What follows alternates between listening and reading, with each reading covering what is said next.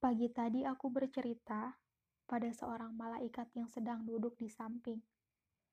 Dengan penuh pertimbangan, akhirnya aku utarakan.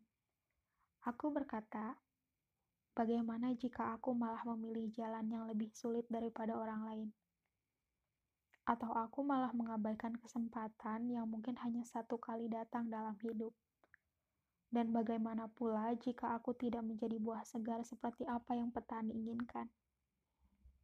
Namun dengan lembut sembari menatap langit cerah pagi tadi, ia berkata, "Tidak ada jalan yang sia-sia selagi kamu menapakinya dengan sepenuh hati.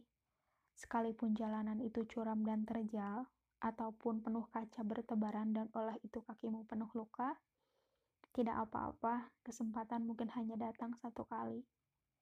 Tapi pengalaman penolakan perlu kau arungi juga agar kelak bisa mempertimbangkan bagaimana harus tetap berjalan tanpa kecewa sebagai penghalang.